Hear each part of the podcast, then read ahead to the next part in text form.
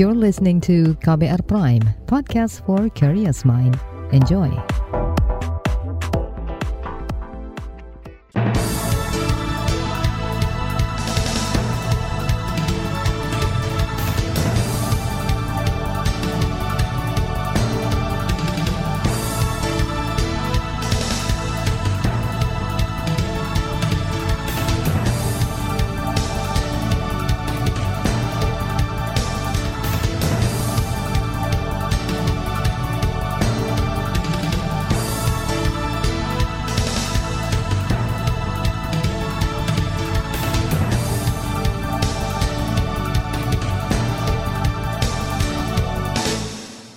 Selamat pagi saudara, senang sekali kami bisa menjumpai Anda kembali melalui program Buletin Pagi edisi Selasa 26 April 2022.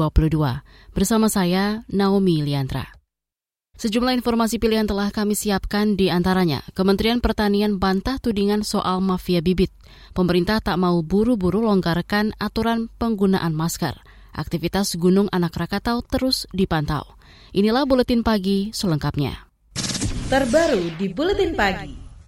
Saudara, Kementerian Pertanian membantah pernyataan Menteri BUMN Erick Thohir tentang dugaan adanya mafia bibit atau benih. Isu itu ditepis Menteri Pertanian Syahrul Yasin Limpo dengan menanyakan langsung ke para dirjennya. Ya, yang harus jawab si Erick ya, menurut saya. Eh, ini di Jasa Namun ada mafia nggak di Ya, tidak ada sama sekali. Pak Kepala Badan Kepala Litbang ada mafia nggak? Tidak ada Pak, tidak tanggung jawab. Peternakan? Tidak ada Pak sama sekali. Tidak ada. Karantina menjamin yang yang palsu-palsu dimusnahkan nggak ada itu. Kemudian Pak, tidak ada. Tidak ada mafia di. Nanti mau bilang apa coba? Menteri Pertanian Syahrul Yassin Limpo menegaskan akan bertanggung jawab atas bantahan tersebut. Politikus Partai Nasdem ini enggan memberi keterangan lebih detail dan meminta awak media menanyakan langsung ke Erik tentang isu mafia bibit. Saudara, isu ini bermula dari pernyataan Menteri BUMN Erick Thohir saat memberikan kuliah umum di Universitas Pajajaran Bandung pada Sabtu pekan lalu. Kata dia, mafia bibit merugikan petani karena menyebabkan hasil panen menurun. Erik memerintahkan perusahaan plat merah PT Pupuk Indonesia untuk memastikan distribusi pupuk dan bibit berkualitas ke petani.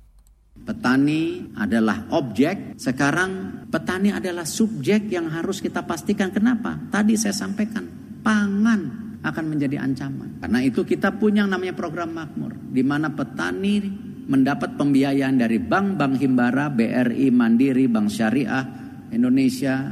Tetapi PT Pupuk Indonesia mendampingi, memberikan pupuk tepat waktu, bibit yang benar. Karena bibit pun ada mafianya.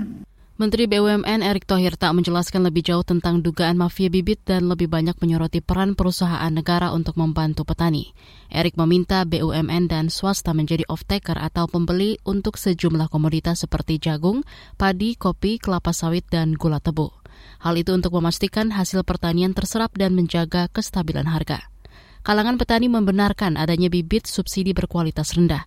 Itu sebab kecurigaan tentang mafia bibit beralasan. Terlebih, Undang-Undang Sistem Budidaya Pertanian melarang petani kecil memproduksi dan mengedarkan benih sendiri.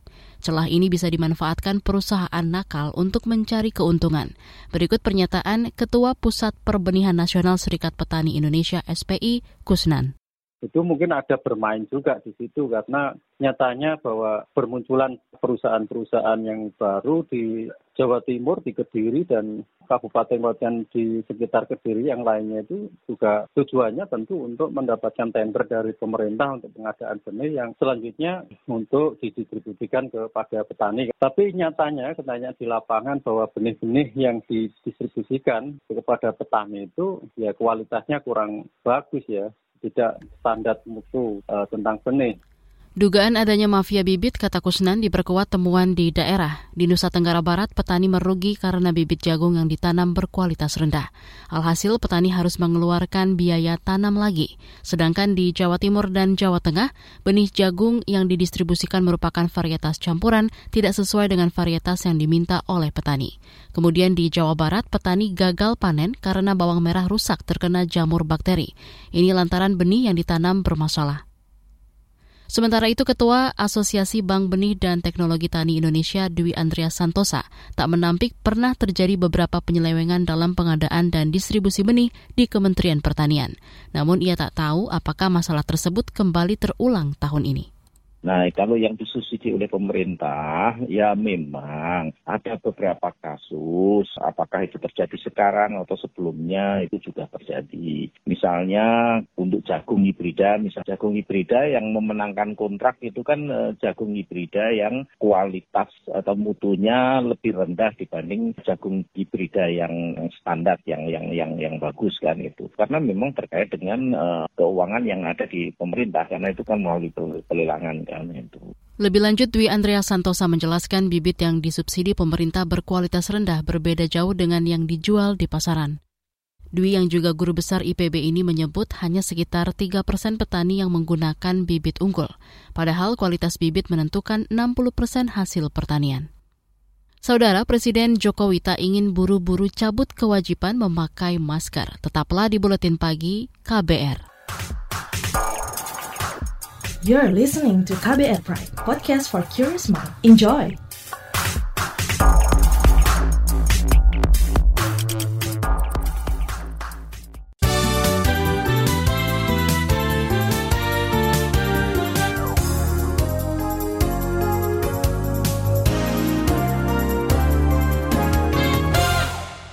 Anda sedang mendengarkan buletin pagi KBR.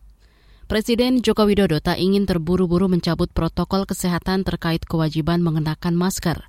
Hal ini ia sampaikan menanggapi pertanyaan wartawan soal kemungkinan mengalihkan status pandemi COVID-19 menjadi endemi, terutama jika tak ada lonjakan kasus pasca mudik lebaran. Tetapi apa pun ada masa transisi yang kita masih harus hati-hati. Saya tidak ingin kayak negara-negara lain langsung buka masker. Enggak, ini masih ada transisi kira-kira enam bulan. Kita lihat seperti apa, baru nanti silahkan kalau di luar ruangan buka masker, kalau di dalam ruangan masih tetap pakai masker. Ada tahapan-tahapan. Presiden Jokowi menambahkan transisi menuju endemi akan dilakukan bertahap. Kata dia, Indonesia telah mengalami varian Delta dan Omikron, sehingga kehati-hatian serta kewaspadaan tetap harus diterapkan. Pemerintah mencabut seribuan izin usaha tambang bermasalah. Menteri Investasi Bahlil Lahadalia mengatakan keputusan itu sesuai perintah Presiden Jokowi. Kata dia, pada Januari lalu Presiden mencabut 2 ribuan izin tambang, 190-an izin penggunaan kawasan hutan, dan 30-an ribu hak guna usaha perkebunan. Yang sudah kami tanda tangani perizinan yang IUP dicabut sebesar 1118 di antara di antaranya adalah dari 1118 tersebut total luas areal yang dicabut sebesar 2.707.443 hektar. Menteri Investasi Bahlil Lahadalia menambahkan izin tambang batubara yang paling banyak dicabut. Totalnya mencapai 270-an izin dengan luas keseluruhan 900-an ribu hektar. Izin dicabut salah satunya karena perusahaan tidak beroperasi. Atas putusan ini sebanyak 220-an perusahaan mengajukan keberatan. Masih terkait soal hukum, Wakil Presiden Maruf Amin menyoroti potensi sengketa lahan karena ketiadaan sertifikat tanah wakaf. Tercatat ada lebih dari 400 ribu lokasi tanah wakaf dengan luas sekitar 56 ribu hektar. Dari jumlah tersebut baru separuhnya yang bersertifikat, padahal tanah wakaf terus bertambah 7 persen atau lebih dari 3.000 hektar tiap tahun. Tanpa adanya program percepatan, bahwa kita akan membutuhkan waktu yang cukup lama, 7 atau 8 tahun untuk menyelesaikan sertifikat tersebut. Ketiadaan sertifikat itu tidak hanya berpotensi memunculkan sengketa dan hilangnya aset, tapi juga menjadi kendala dalam membangun basis data aset wakaf yang akurat. Wakil Presiden Maruf Amin menegaskan perlu ada kesamaan pemahaman dan persyaratan dalam sertifikasi tanah wakaf. Selain itu, Maruf meminta adanya digitalisasi pengembangan aset wakaf berbasis data. Beralih ke informasi politik, Presiden Joko Widodo diklaim memberi perhatian khusus ke Papua. Hal itu disampaikan Menteri Koordinator Politik Hukum dan Keamanan Mahfud MD usai Jokowi menerima delegasi pimpinan Majelis Rakyat Papua dan Majelis Rakyat Papua Barat di Istana Negara kemarin.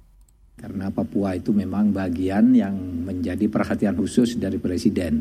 Ke provinsi lain Presiden itu mungkin hanya dua kali atau tiga kali paling banyak setiap provinsi.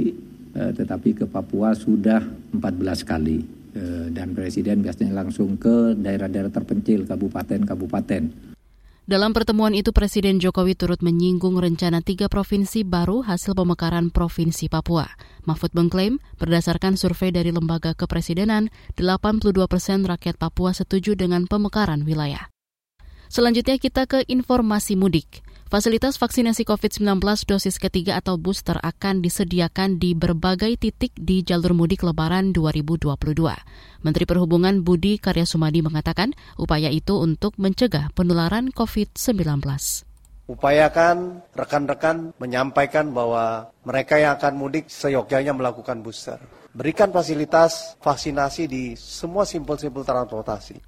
Menhub Budi Karya Sumadi menyebut telah bekerja sama dengan TNI, Polri, dan Kementerian Kesehatan untuk mendirikan sentra vaksinasi booster di area fasilitas transportasi. Kita beralih ke berita mancanegara.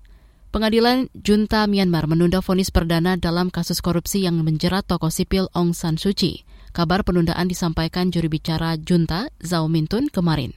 Dilansir dari AFP, dalam kasus ini, Suu Kyi dapat difonis 15 tahun penjara jika terbukti bersalah.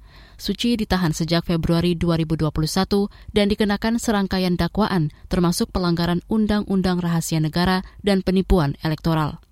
Sejak Suci digulingkan tahun lalu, periode demokrasi di Myanmar terhenti. Akibatnya kekuasaan diambil alih militer yang mendapat perlawanan masyarakat hingga sekarang. Dalam laporan terbaru pemantauan kemanusiaan tercatat sebanyak 1.700 orang tewas dan 10.000 ditahan dalam aksi kudeta tersebut. Kita beralih ke berita olahraga. Juventus menang dramatis 2-1 atas Sassuolo pada lanjutan Liga Italia di Stadion Mapei selasa dini hari waktu Indonesia. Gol Giacomo Raspadori di menit ke-39 membuat Juventus tertinggal lebih dulu.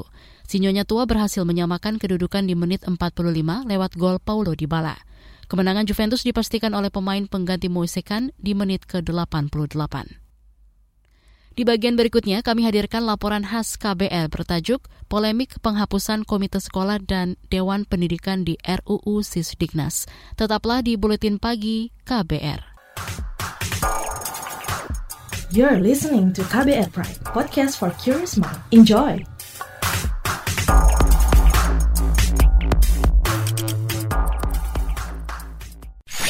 Commercial break. Commercial break.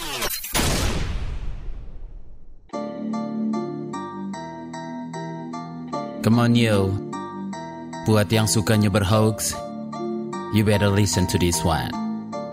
Check this one out yo. Hati-hati kalau baca kabar hoax, jangan langsung disebar kabar yang hoax. Kalau mau tahu kabar benar atau hoax, dengerin cek fakta yang pasti bukan hoax. Dengerinnya setiap Senin yang jelas bukan hoax. Cuma ada di kbrprime.id dan aplikasi podcast lainnya. Hoax. Sudah cukup-cukup hoaxnya? Hoax. Cukup. Jaga emosi, tahan jari, verifikasi sebelum dibagi. Saya Ari Bowo Sasmito, Ketua Komite Pemeriksa Fakta Mafindo. KBR Prime, podcast for curious mind.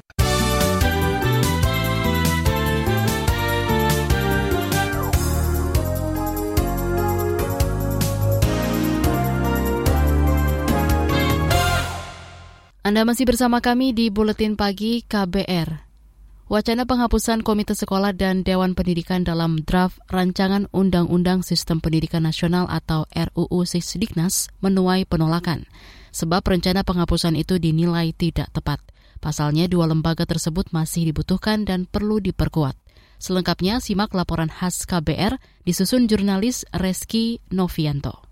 Saudara Kementerian Pendidikan Kebudayaan Riset dan Teknologi atau Kemendikbud Ristek menyatakan pembahasan tentang Komite Sekolah dan Dewan Pendidikan di dalam draft Rancangan Undang-Undang Sistem Pendidikan Nasional atau RUU Sisdiknas masih dinamis. Pernyataan ini disampaikan Kemendikbud Ristek merespon ungkapan berbagai pihak yang menolak wacana penghapusan Komite Sekolah dan Dewan Pendidikan di RUU Sisdiknas. Kepala Badan Standar Kurikulum dan Asesmen Pendidikan Kemendikbud Ristek Anindito Aditomo mengatakan Sampai saat ini draft RUU masih dalam tahap awal atau perencanaan. Jadi draft per hari ini itu sangat mungkin berbeda dari draft uh, bahkan kemarin gitu ya, apalagi minggu yang lalu. Makanya ini sebenarnya dokumennya itu bergerak terus. Nanti akan menjadi draft resmi hanya ketika pemerintah sudah menyepakati, uh, sudah kita sudah melakukan pencermatan terhadap masukan berbagai pihak dan itu disepakati oleh uh, semua kementerian di pemerintah. Kemudian itulah yang kita ajukan kepada DPR sebagai draft pertama. Anindito menambahkan, di tahap selanjutnya atau saat penyusunan dan pembahasan di DPR, maka pelibatan partisipasi publik akan lebih diperluas. Jaringan Pemantau Pendidikan Indonesia atau JPPI adalah salah satu pihak yang menolak penghapusan dua lembaga itu. JPPI menilai penghapusan Komite Sekolah dan Dewan Pendidikan tidak tepat. Menurut Koordinator Nasional JPPI, Ubaid Mat Raji, pembubaran keduanya merupakan kemunduran bagi demokrasi dunia pendidikan di tanah air saya menolak kalau dibubarkan. Okay. Karena sejatinya institusi ini itu mulia ya. Ini institusi baik bagian dari uh, institusi yang lahir dari demokrasi ya, yang hmm. itu bisa menampung uh, aspirasi uh, orang tua, bisa menampung aspirasi masyarakat dan memperkuat keterlibatan orang tua dan masyarakat dalam konteks uh, pendidikan gitu. Komite sekolah adalah lembaga mandiri yang dibentuk dan berperan dalam peningkatan mutu pelayanan dengan memberikan pertimbangan, arahan, serta pengawasan pendidikan pada tingkat satuan pendidikan. Keberadaannya diundangkan dalam salah satu pasal di Undang-Undang tentang Sistem Pendidikan Nasional. Undang-undang inilah yang kini akan direvisi. Menurut Forum Komunikasi Komite Sekolah dan Madrasah Nasional atau FKKSMN, Komite Sekolah memiliki peran strategis di dalam ruang lingkup pendidikan formal. Sekjen FKKSMN Judi Romadoni. Jadi uh, dari orang tua dalam hal ini uh, dikoordinir oleh komite tentunya akan mempunyai korelasi positif dengan kualitas sekolah tersebut baik menyangkut uh, prestasi akademik dan non akademik. Hal ini tentunya uh, tidak tidak bisa dipungkiri bahwa komite sekolah punya peran yang sangat penting dalam kemajuan pendidikan di sekolah-sekolah. Kritik juga datang dari Komisi Nasional Pendidikan atau Komnasdik di daerah, salah satunya Komnasdik Provinsi Jawa Timur. Ketua Komnasdik Jawa Timur Kunjung Wahyudi mengatakan, komite sekolah mestinya diperkuat bukan dihapus. Bahwa eh, kami dari Komnas Pendidikan Eh, Jawa Timur ya dan juga dari 17 provinsi yang lain ini sangat mengharapkan peran komite ini tetap harus ada di sekolah tetapi masukan kami adalah untuk SK pengurus komite ini yang buat bukan kepala sekolah tetapi oleh Dinas Pendidikan. Selain komite sekolah, Dewan Pendidikan ialah salah satu badan yang akan dihapus. Hal ini juga direspon Dewan Pendidikan di daerah. Dewan Pendidikan di Provinsi Jawa Tengah Murbangun Nuswowati menolak wacana penghapusan tersebut. Pasalnya, keberadaan Dewan Pendidikan masih krusial di berbagai daerah. Kalau mau dihapus nanti yang menjembatani antara dinas pendidikan, kemudian itu pemerintah ya, kemudian masyarakat, kemudian Dewan Perwakilan Rakyat kan juga itu berpadu di dalam Dewan Pendidikan intinya ya kurang setuju kalau dibubarkan gitu. Saat ini materi rancangan Undang-Undang Sistem Pendidikan Nasional atau RUU Sisdiknas tengah disiapkan Kemendikbudristek. Nantinya materi itu akan menggabungkan tiga undang-undang terkait pendidikan, sekaligus menghapus tentang Sisdiknas, undang-undang tentang guru dan dosen, dan tentang pendidikan tinggi. Namun hingga awal Maret lalu Presiden Joko Widodo belum menyerahkan surat presiden atau surpres kepada DPR sebagai awal dimulainya pembahasan RUU. Meski begitu, naskah akademik RUU tersebut diduga sudah beredar ke publik dan menuai polemik. Saudara, demikian laporan khas KBR yang disusun Reski Novianto. Saya, Reski Mesanto. Informasi dari berbagai daerah akan hadir usai jeda. Tetaplah bersama Buletin Pagi KBR. You're listening to KBR Pride, podcast for curious mind. Enjoy!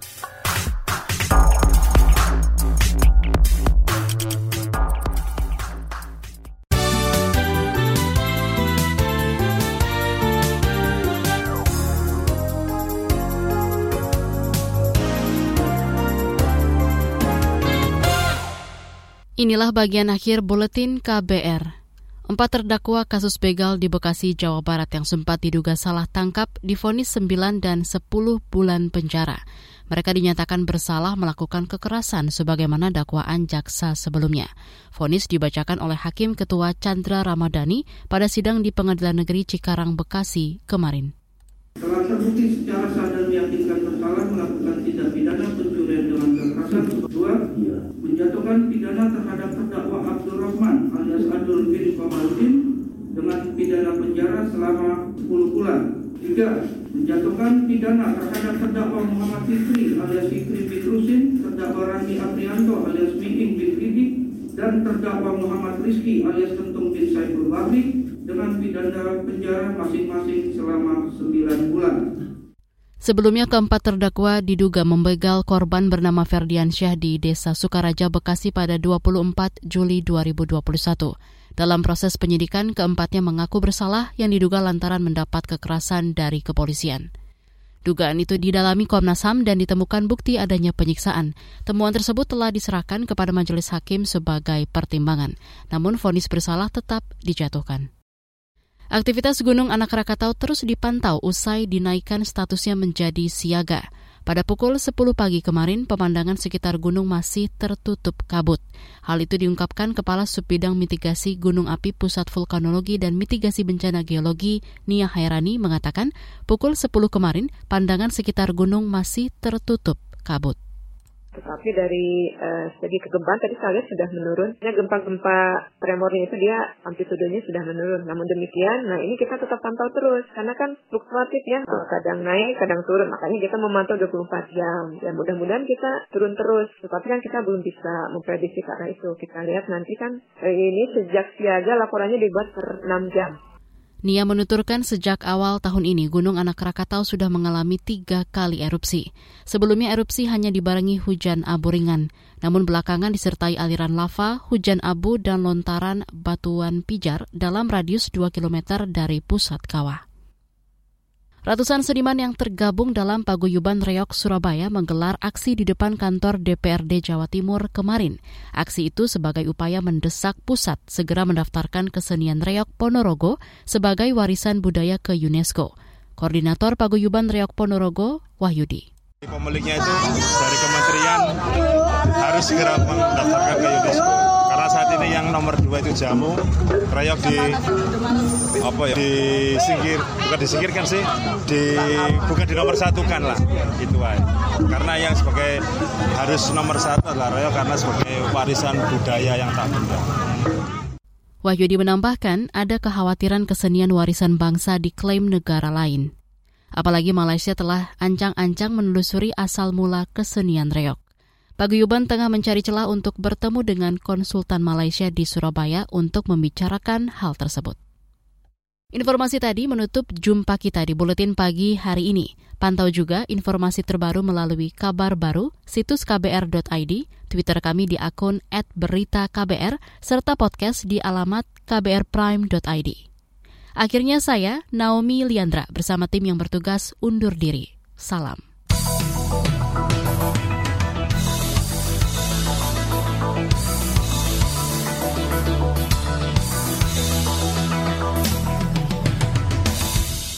KBR Prime, cara asik mendengar berita. KBR Prime, podcast for curious mind.